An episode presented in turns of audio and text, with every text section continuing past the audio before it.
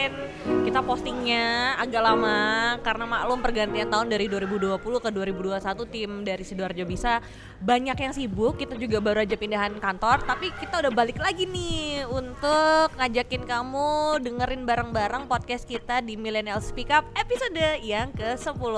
Hari ini spesial karena aku seperti biasa hostnya belum diganti ya Marina Berlian ada di sebuah tempat yang ini aku pertama kali ke sini eh, Tapi aku udah sering banget denger nama cafe yang satu ini. Dare Good. Pasti kamu-kamu juga udah pernah denger kan ya? Dare Good. Sempet eh, tutup beberapa waktu yang lalu kalau nggak salah di pertengahan tahun 2020 and now they're back again buat menyambut kamu semua. Dan langsung aja kita ngobrol-ngobrol sama seorang beverage konsultannya dari Dare Good. Ada Mas De Dedi. Mas Dedi. Halo, Mbak. Three, two, one. Eh, close the door. bukan bukan bukan Dedi Kobusha. Baru tahu aku ternyata Dedi ini ya udah punya rambut sekarang, pakai kacamata. Agak kurusan Agak sih. kurusan. Iya. Arek Darjo pisan. Mas Dedi apa kabar? Baik baik Mbak, alhamdulillah sehat. Ini pertemuan pertama kita ya. Yes benar. Tapi aku suka banget deh waktu pertama kali nyampe di Dergut sini tuh aduh adem banget apalagi di musim hujan. Alhamdulillah. Eh, emang kayak gitu sih Mbak. Emang ini tempatnya dibuat outdoor gini ya? Bukan outdoor kan Eh indoor outdoor ini. indoor maksudku tapi eh, Cuman sangat banyak lubang udara jadi Iya. sirkulasi udaranya bagus banget. jadi Kayak lobang gitu. di mana-mana ya. Benar. Pas benar. kayak lagi covid gini kan sering ada lobang-lobang yang dimasukin Wih, apa itu? swab. Oh iya iya iya benar benar benar. Nah, Benar, benar. udah swab belum ya? Aku kemarin udah swab mas rasanya kayak sumpah nggak enak banget. Aku belum pernah swab sih. Belum ya, tapi Belum demi keamanan dan kenyamanan teman-teman semuanya Hmm. di sini. Jadi kalau ketemu aku, aku nggak nggak sebar-sebar, kan aku ke mana-mana orangnya. Iya benar. ya. Benar Mbak. Eh, tapi aku penasaran sih, kenapa sih Dergut kok pertengahan tahun kemarin aku lihat di Instagram tempat ini ya uh, unactive, unactive. Iya, jadi Dergut yang kemarin itu eh, dia masih pakai manajemen yang lama kan. Oke. Kemudian mungkin eh, dinilai manajemen yang lama kurang oke, akhirnya eh, di stop dulu lah biar tidak terjadi banyak kerugian. Makanya ketika mereka tutup, mereka mencari tuh siapa ya kira-kira yang bisa handle Dergut nih. Mhm. Ketemulah sama saya, Wah. sama ada teman saya sih satu lagi sebenarnya. Siapa? Eh, panggilannya Mbak Man. Panggilannya Mbak Man. Mbah. Mm-mm. Oh, Mbah memang. Enggak, Mas. Cuman dia dikenal sebagai Mbah Man kayak Oh gitu. Jadi Gitu. Mbah Man mungkin kalau lagi nonton ini jangan lupa di like ya, komen-komen di bawah. Bener. Nanti kalau dulu-dulu juga mau komen-komen ya mau kasih rekomendasi atau pernah eh, main ke Dargut nih udah lama banget mungkin ya eh, nggak main ke sini lagi ya boleh komen kasih tahu eh, ada momen apa nih yang paling berharga yang unforgettable moment kamu di Dargut karena setahu aku memang ini cafe legend banget ya. Udah berapa lama sih? Eh, Dargut ini udah dua tahunan. Dua tahunan Nah, ya. Dua tahun dengan dipotong masa pandemi kemarin, jadi mungkin harusnya sekitar tiga tahunan. Kalau untuk masa-masa baru kafe di sidoarjo bisa dibilang ini udah cukup lama sih untuk untuk Cukup untuk lama. dua tahun itu udah cukup well known. Bener. Karena itu tadi aku memang baru pertama kali ke sini dulur-dulur tapi aku udah sering banget nih eh, denger nama kedergut kedergut. Ah, ah, bener. Nah kemarin sempet tutup sekarang udah balik lagi ini dengan konsep yang sama Eh, atau ada yang baru nih dari dergut. secara konsep eh, kalau untuk tempat kita masih sama. Hmm. Jadi tapi kita membedakannya dari yang dulu itu di masalah menu. Oke. Kayak gitu. Jadi waktu aku datang ke sini, Dergut ini benar-benar berubah masalah menu di barnya. Kayak gitu. Terus yang belakangan terakhir ini kita sudah mulai ready di kitchennya. kayak Oh udah gitu. ready di Ah. kitchennya ya. Ini unik loh tempatnya kayak satu box gitu. Iya benar. ya nggak Kotak perlu gede. kotak gede banget Iya. atapnya tinggi di atas juga eh, ada di atas juga Ada, ha, apa namanya ya sirkulasinya kayak benar gini ya sama tetap. Jadi benar-benar lubang udaranya banyak banget kayak gitu. No AC ASEAN ya Nggak tapi lebih ke AC. angin cendela Angin jendela benar. suar adem banget Angin jendela. dan Mas Dedi di sini sebagai beverage consultantnya Ah, ya benar. atau jangan-jangan sebenarnya dirimu nih yang sengaja bikin tutup supaya dirimu bisa direkrut di sini Bikin tutup itu bikin apa Mbak maksudnya Mbak? menyingkirkan manajemen yang lama oh enggak sih. enggak, enggak, enggak, enggak. Jadi Enggak, enggak, canda, canda. Ah, apa-apa. Cuman eh, make sure aja kalau eh, Dergut yang sekarang itu honestly totally berbeda sama yang lama. kayak gitu aku sih berharap buat eh, teman-teman yang dulu sudah pernah ke Dergut terus kecewa karena kita sempat tutup please welcome kalian boleh datang lagi ada Boleh sesuatu datang yang lagi. baru di sini Jam berapa sampai jam berapa sih? kita opening jam 11 sampai jam 10 malam Jam 11 sampai jam 10, 10 malam. malam, Nah, Mas Dedi sebagai beverage consultant ya, Mhm. memang khusus megang Dergut atau tempat lain juga atau ada di Surabaya atau gimana? ada beberapa tempat yang saya handle Hmm. jadi kalau yang benar-benar lagi aktif sekarang itu ada dua Dergut ini sama yang satu di Surabaya Moira namanya Oh di Moira Surabaya ada Coffee. Ha. juga ya. Memang uh, Mas Dedi berkecimpung di dunia food and beverage. kah? Benar. Jadi kalau saya sudah sekitar berapa ya? Dari 2011. Jadi 2011 itu pertama kali sih saya berkecimpung ke dalam dunia ini. Cuman kalau untuk konsultan saya eh, mulai fokus sih sekitar dua tahun terakhir Oke. kayak gitu. Dua tiga tahun terakhir lah. Pokoknya yang pernah saya garap salah satunya ada kolokial di Surabaya. Tapi sekarang saya udah nggak handle lagi. Kemudian yang lagi aktif sekarang ya ini Dergut sama Moira. Dulunya apa Mas sebelum jadi beverage consultant? Wah macam-macam mbak. Koki kah atau memang Eh, ah, dulunya saya barista. Oh barista. Ha-ha, basicnya sih barista. Jadi belajar pertama kali itu ya di sidoarjo jadi barista di Kopi Bolo Dewi namanya. Wih, legend tuh. Bener. Oh, Kalau suka nongkrong harusnya tahu sih Kopi Bolo Dewi Tahu, itu. tahu lah. Itu. Oke. Itu tahun 2011-an terus saya sempat move ke Malang beberapa tahun untuk menimba ilmu dan men- Berguru mencari iya, wangsit. benar. Enggak, kamu aku tahu kamu ke Semeru kan kamu betapa di Arjuno. sana. gitu jadi saya nyari eh, tambahan-tambahan ilmu lah kayak gitu loh jadi mulai belajar tentang yang benar-benar belajar tentang kopi sih di Malang terus sempet bal eh, bukan sempet balik akhirnya memutuskan balik ke Surabaya karena eh, pengen membesarkan nama di Surabaya. Kayak gitu. Asik. Beverage consultant tuh profesi yang kayak gimana sih sebenarnya? jadi kalau eh, ini nih ini yang sering kali orang mikir beverage consultant itu sepele. Sebenarnya nggak sepele-sepele banget. Malah eh, kalau aku bilang ini complicated banget. Jadi beberapa mungkin aku ngeliat teman-teman mereka mulai belajar menjadi consultant beverage. Tapi eh, bukan berarti mereka minus ya. Maksudku mereka memang masih belajar. Ternyata setelah aku jalani ternyata beverage consultant itu nggak cuman perihal ngebuat minuman ngedesain sebuah minuman baru atau menciptakan minuman yang belum pernah ada tapi banyak hal di belakang itu mulai dari costing terus mulai dari pemilihan bahan terus menentukan supplier mana yang mau dipakai sampai menentukan harga jual kayak Oke. gitu Bedanya sama manajer eh, sebuah kafe atau resto apa dong? Eh, kita bertanggung jawab penuh untuk improvisasi dari minuman itu mbak. Jadi kalau manajer kan mereka cuma handling doang kan Oke. operasional secara keseluruhan. Tapi kalau beverage consultant aku boleh bilang eh, kita kudu sangat berimprovisasi banget. Ini Oke. kalau kita ngomongin kopi nih eh, kalau dua tiga eh, sorry tiga empat tahun yang lalu orang minum kopi pakai gula sempat dicemooh kan. Apa nih pakai kopi minum kopi pakai gula kayak gitu. Tapi eh, zaman sekarang malah semua kopi susu yang udah manis kayak gitu. Nah itu itu peranan dari para beverage consultant untuk menciptakan bahwa kopi pakai gula juga nggak ada masalah sebenarnya So kayak you gitu. create the menu ya? iya benar. Bedanya sama koki dan barista dan yang bertanggung jawab di atau kita bilangnya kitchen head lah ya, apa dong? kalau kitchen kan mereka mengurusi masalah dapur masak-masakan. Ya hampir sama sebenarnya. Jadi kalau head head chef atau kalau yang paling tinggi tuh yang setahu saya sih eh, apa ya sous chef atau Mhm. nah itu mereka udah nggak lagi berkecimpung di dapurnya tapi malah di back office kayak gitu mereka Oke. cuma turun ke dapur mungkin cuma untuk plating eh, QC kayak gitu Oke, jadi memang ini sekali lagi kalau katanya Mas Dedi kesannya kayaknya sepele. Ha-ha. Tapi sebenarnya complicated. benar Karena di tengah berjamurnya kafe-kafe di sidoarjo ya, nggak bisa juga atau mungkin kamu yang baru aja buka bisnis nggak bisa juga langsung asal buka ada tempat, gue udah modal, udah langsung tinggal buka aja nggak. Butuh seorang konsultan kan? benar benar atau sebenarnya nggak butuh konsultan?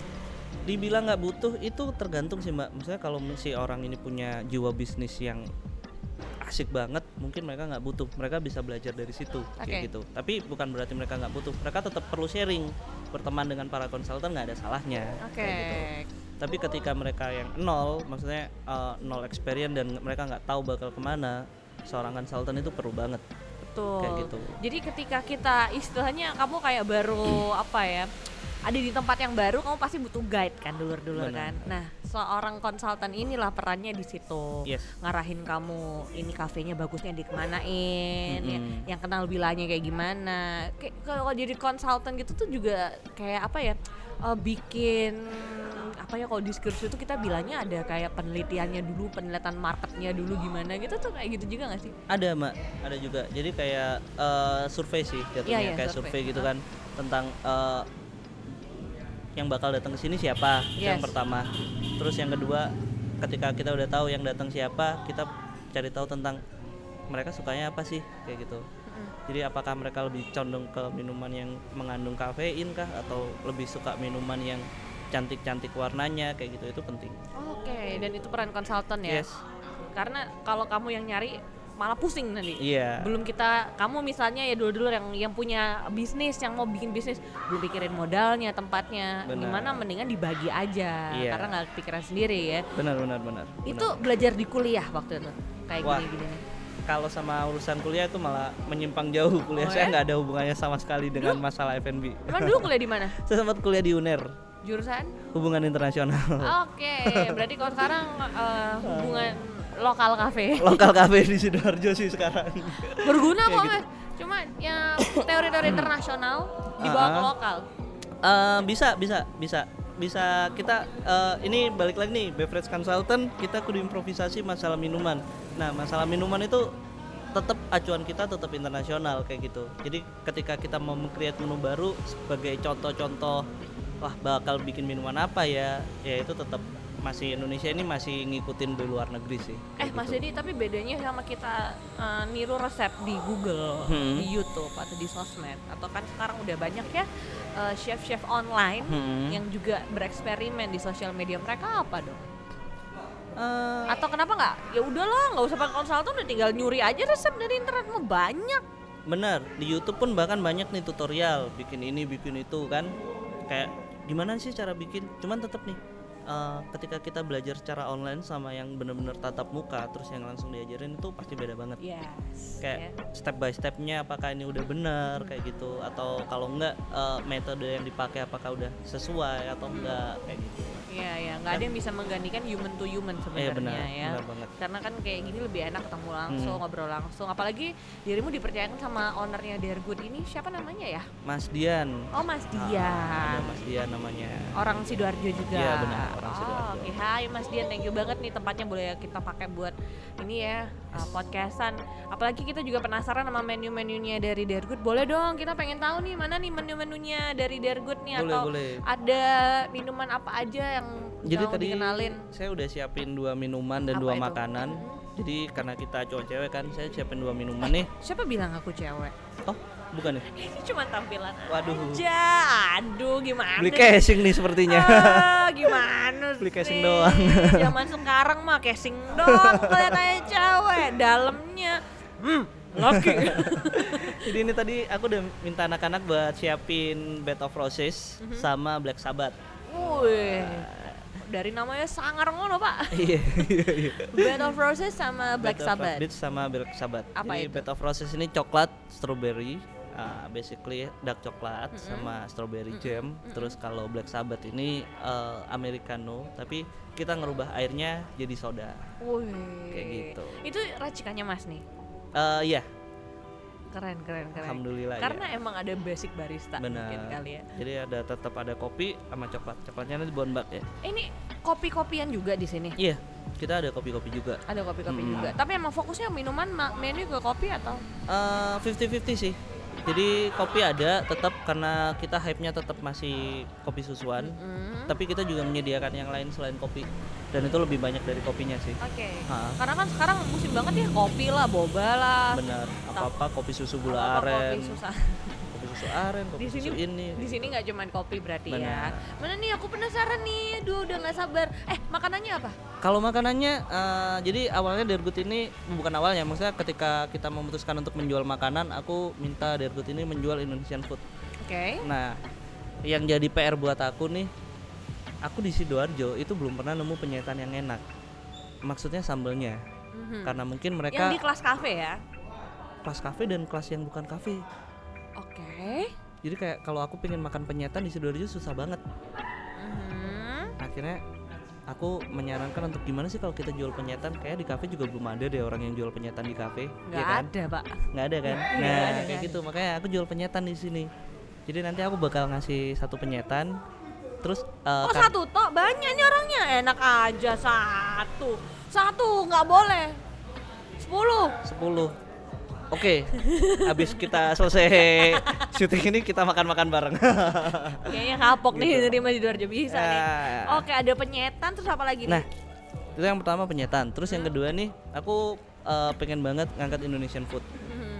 Nah, tapi aku nggak boleh nih cuman sekedar Indonesian food. Akhirnya aku memutuskan untuk mengambil konsep bukan konsep ya. Jadi kayak sekarang kan lagi musim rice bowl. Mhm.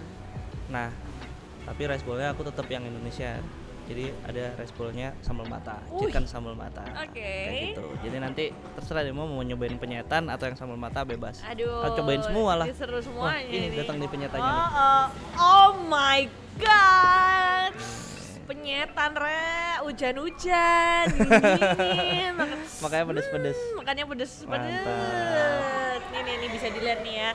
Ini adalah menu penyetannya dari Cafe Dergood yang mana kalau kamu cari penyetan kan biasanya ya angkringan lah ya. Benar. Ini level cafe. Ini berapaan? Kira-kira berapa coba? Berapa ya? Aku nggak tahu. Eh, hampir sama sih sama di warung-warung sekitar. Ini cuma 18.000 Kalian udah bisa dapet Aku tadi ini mau dan nembak kepala tiga loh, 20-an, Wah, 30 ribuan. enggak dong. Kita jualnya jangan mahal-mahal. Yang penting orang ke sini tuh happy, Asik. dia puas, dia Asik. seneng. Terus besok, aduh pengen penyetan enak nih, dergut lagi ah, gitu Hai, dong. Ini baru konsepnya unik nih ya. Siap, siap. Ini yang Ini uh, bed of roses itu. Bed of Roses. Ini aku kocok gini dulu atau gimana? Boleh. Jadi biar blending secara Oh. baik. Oke, jadi ini kebetulan karena aku bukan coffee drinker sih, Mas. Hmm. Ini coklat ada Strawberry jamnya. strawberry jamnya ya. Unik ya. include di dalam semua. Oke. Kalau yang masnya apa tuh? Ini yang aku tadi bilang Black Sabbath. Jadi eh, kalau orang biasa minum americano cuma espresso sama air panas, air panasnya aku ganti nih ke soda. Oke.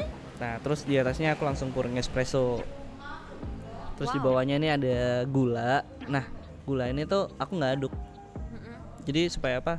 Eh, kalau misalnya dia nggak suka manis, dia bisa minum dari atas. Tapi kalau dia suka manis, dia bisa minum dari bawah. Nah, kenapa gulanya nggak aku aduk? Biar dia punya experience tuh gigitin gula. Jadi kan kriuk-kriuk enak gitu. Sambil aku makannya ya. Boleh, boleh mbak. Lapar? Aku tuh mau makan. Cuman kan lagi sering gini ya. aku kayak gini terus dirimu makan. Nanti ini Gitu. buat aku lah pasti ini masa buat kameramen. Enggak lah. Hmm. Nanti mbak ada sendiri kok sebenarnya. Ha-ha. Duh, makasih loh ya. Nah, ayamnya nanti aku potongin udah. Ini penyetannya ya isinya kayak Siap, penyetan siap. biasanya ya. Iya, ha, Tapi jadi- yang ngebedain sambelnya ya. Yep. Aku jujur kalau dulu-dulu suka nonton podcast pasti tahu kalau aku nggak kuat pedas. Jadi daripada aku cobain sekarang terus aku kepedesan dan nggak bisa nanyain masnya, aku save for the last ya. Oke, Jangan siap sekarang ya. Boleh, untuk boleh, itu. Mbak. Bahaya nih. Oke oke, Aku nanti aku mungkin bisa requestin sambal yang baru yang nggak pedas. Soalnya kalau di Dergut sambalnya kita setting untuk sangat pedas sih. Oh, oke. Ah, untung Mbak ya bilang. Jadi Makasih loh. buat para pecinta pedas, ini enak banget serius. 18.000 ribu doang. Yes. Untuk kelas penyetan di kafe. Hmm. Men. Dan sambalnya kita langsung ulek. langsung ulek lagi be tempatnya kayak begini lagi enak jadi dapat estetik uh, Indonesian Indonesian gimana gitu ya Iya, iya, Indonesian bener. food gimana gitu Bener, ya bener, bener. eh balik lagi deh ngomongin soal profesinya Mas Dedi Hmm. sebagai beverage consultant enak ya bisa nyincip makanan dan minuman ya Kalau pas makanannya lagi enak, itu jatuhnya enak mbak. Tapi kalau pas kita lagi trial nih, ternyata nggak sesuai ekspektasi. Wah itu ya jadi mikir lagi. pernah udah. sampai enak gak sih kayak nyobain berapa trial gitu karena kan trial nggak cuma sekali kan Nah, kalau saya kan kebetulan udah jadi barista cukup lama. Mm-mm. Jadi masa trial saya itu udah saya guna, oh, udah saya pakai waktu saya lagi jadi kerja jadi barista tuh. oke Sekarang tuh kayak tinggal memetik hasil, Boy. sedikit modifikasi. keren, keren, kayak gitu keren, sih. keren. Jadi eh, kalau trial sih tetap masih bukan trial kalau sekarang jatuhnya lagi creating creating menu-menu baru kayak Eh, gitu. Mas Dedi berarti eh, kalau jadi beverage consultant Mm-mm. eh, semacam Mas Dedi harus punya apa ya? Taste-nya itu yang yang general ya, nggak Iya. bisa gimana?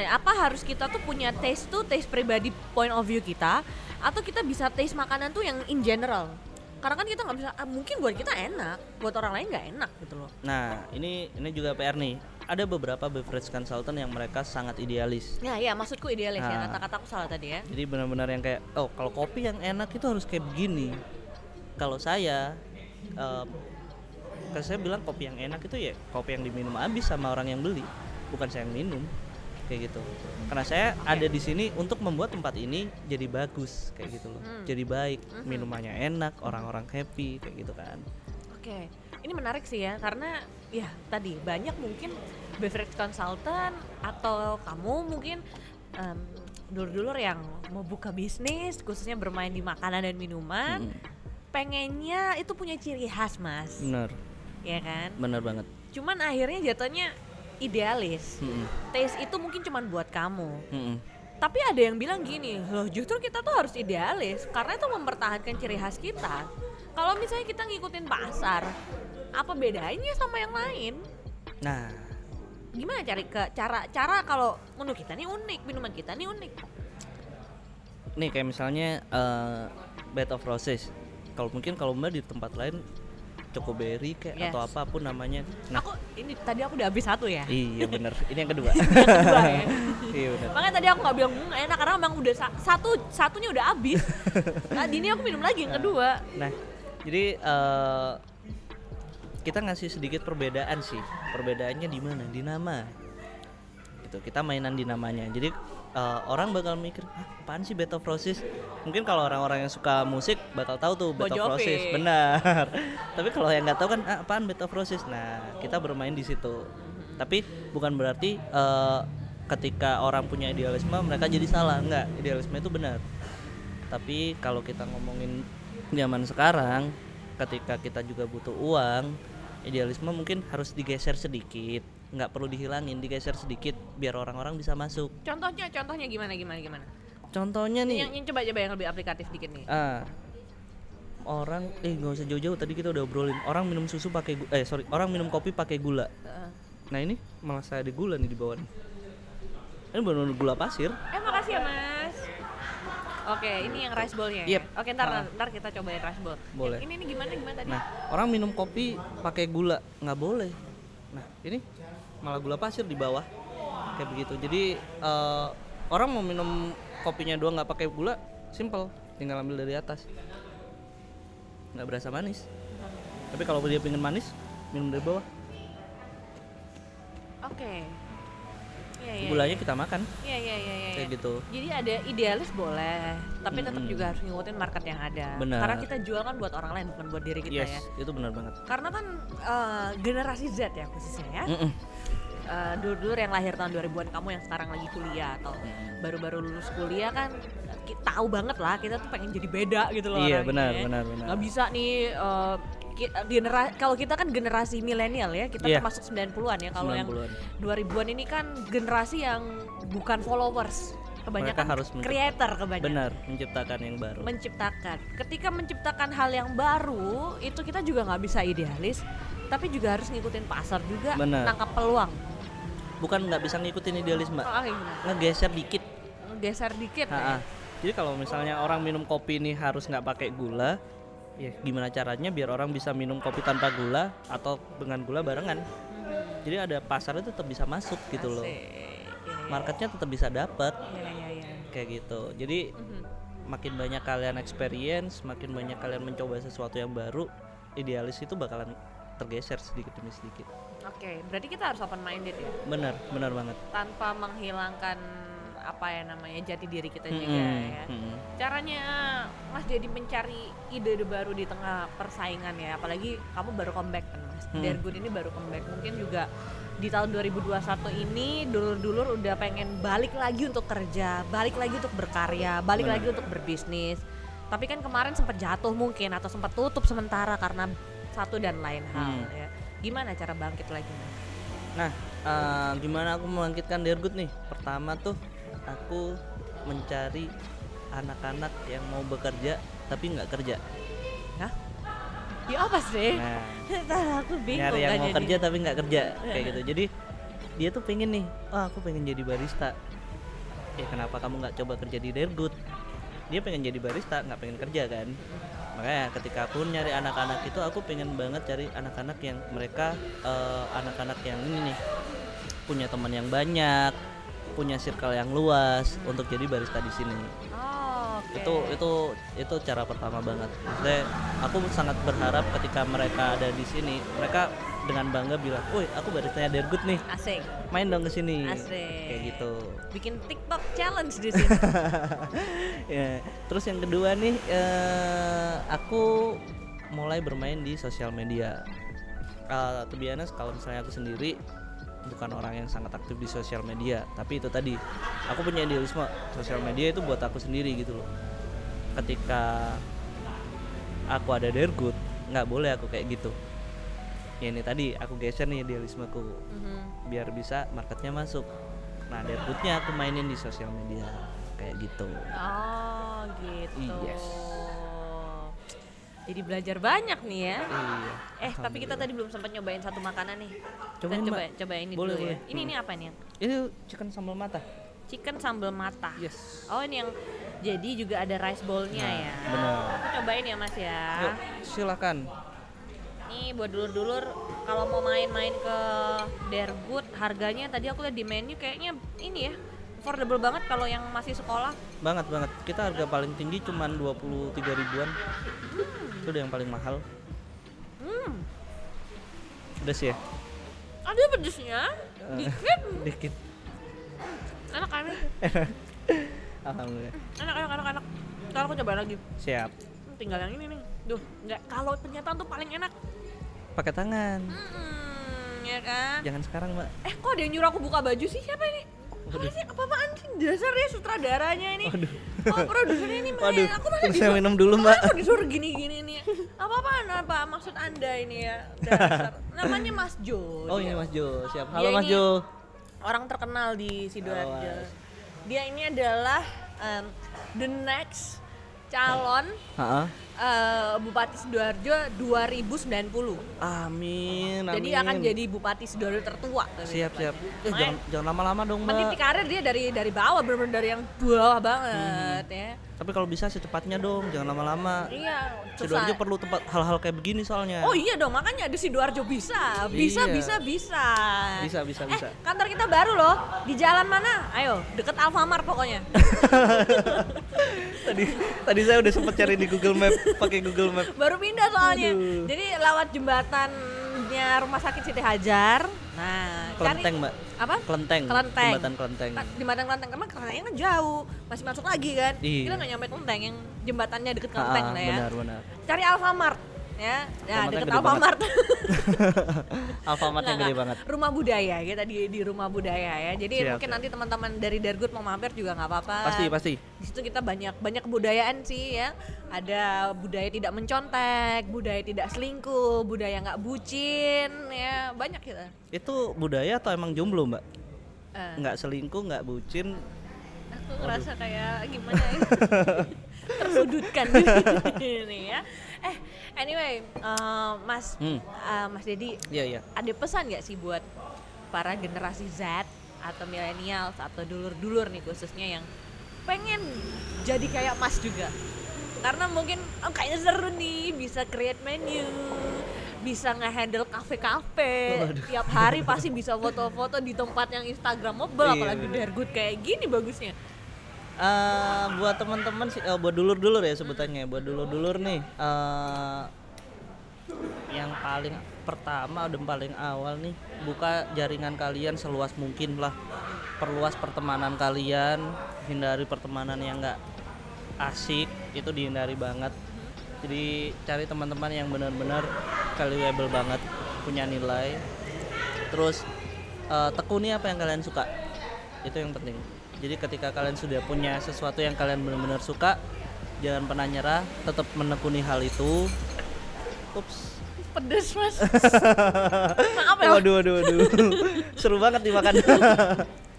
lanjut lanjut lanjut ya. Jadi eh, ketika kalian sudah menemukan hal yang kalian suka, kalian boleh menekuni itu. Kalau misalnya banyak banget yang bilang nih, wah ngapain sih kayak gitu, ngapain sih kayak gini, jangan dihirauin, berarti itu bukan teman yang support ke kalian kayak gitu. Yes ya.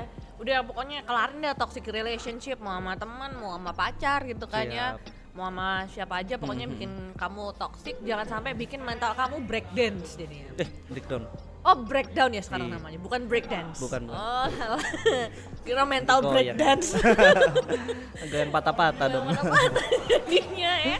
Eh nah buat uh, dulur juga yang mau mampir ke Dergut alamatnya di mana nih? Kawan Anggun Raya Blok B nomor 26 kawan Anggun Raya? Blok B nomor Blok 26 B nomor 26 Cari aja maunya Dergut lah ya. Mau nih tempatnya mungkin mau disewa buat meeting Atau Boleh. Karena waktu itu pernah sempat ada acara Kontak-kontak aja atau sama Mas Dedi di mana Instagramnya? Siap kalau saya di Hello Daddy. Hello Dedi Ha. ya. Halo Mas Dedi aku habis dengerin podcastnya Sidoarjo Bisa. Aku dengar kamu jomblo. Bolehkah aku berteman denganmu? Nanti bisa deh kayak gitu. Oh. Jangan. Boleh sih boleh boleh boleh. Udah bisa nama Mas Jo. Thank you juga nih Beta prosesnya aku habis dua ya. Pokoknya jangan lupa mampir ke Dergo dan jangan lupa juga buat kamu yang pengen berkarya ya. Pengen uh, make something di tahun 2021 ini udah pokoknya mulai aja. Kalau kamu butuh komunitas yang positif ya Yes, main-main aja ke rumah budaya Sidoarjo bisa. Itu ada di dekat Alfamart pokoknya ya. Oke oke. Di dekat jembatan Kelenteng Sidoarjo dekatnya rumah sakit Siti Hajar. Jangan lupa subscribe follow Instagram kita Sidoarjo Bisa YouTube channel Sidoarjo Bisa podcast kita di Spotify Sidoarjo Bisa. I'm Marina Brand sign out. I'll see you on the next episode. Bye. Bye bye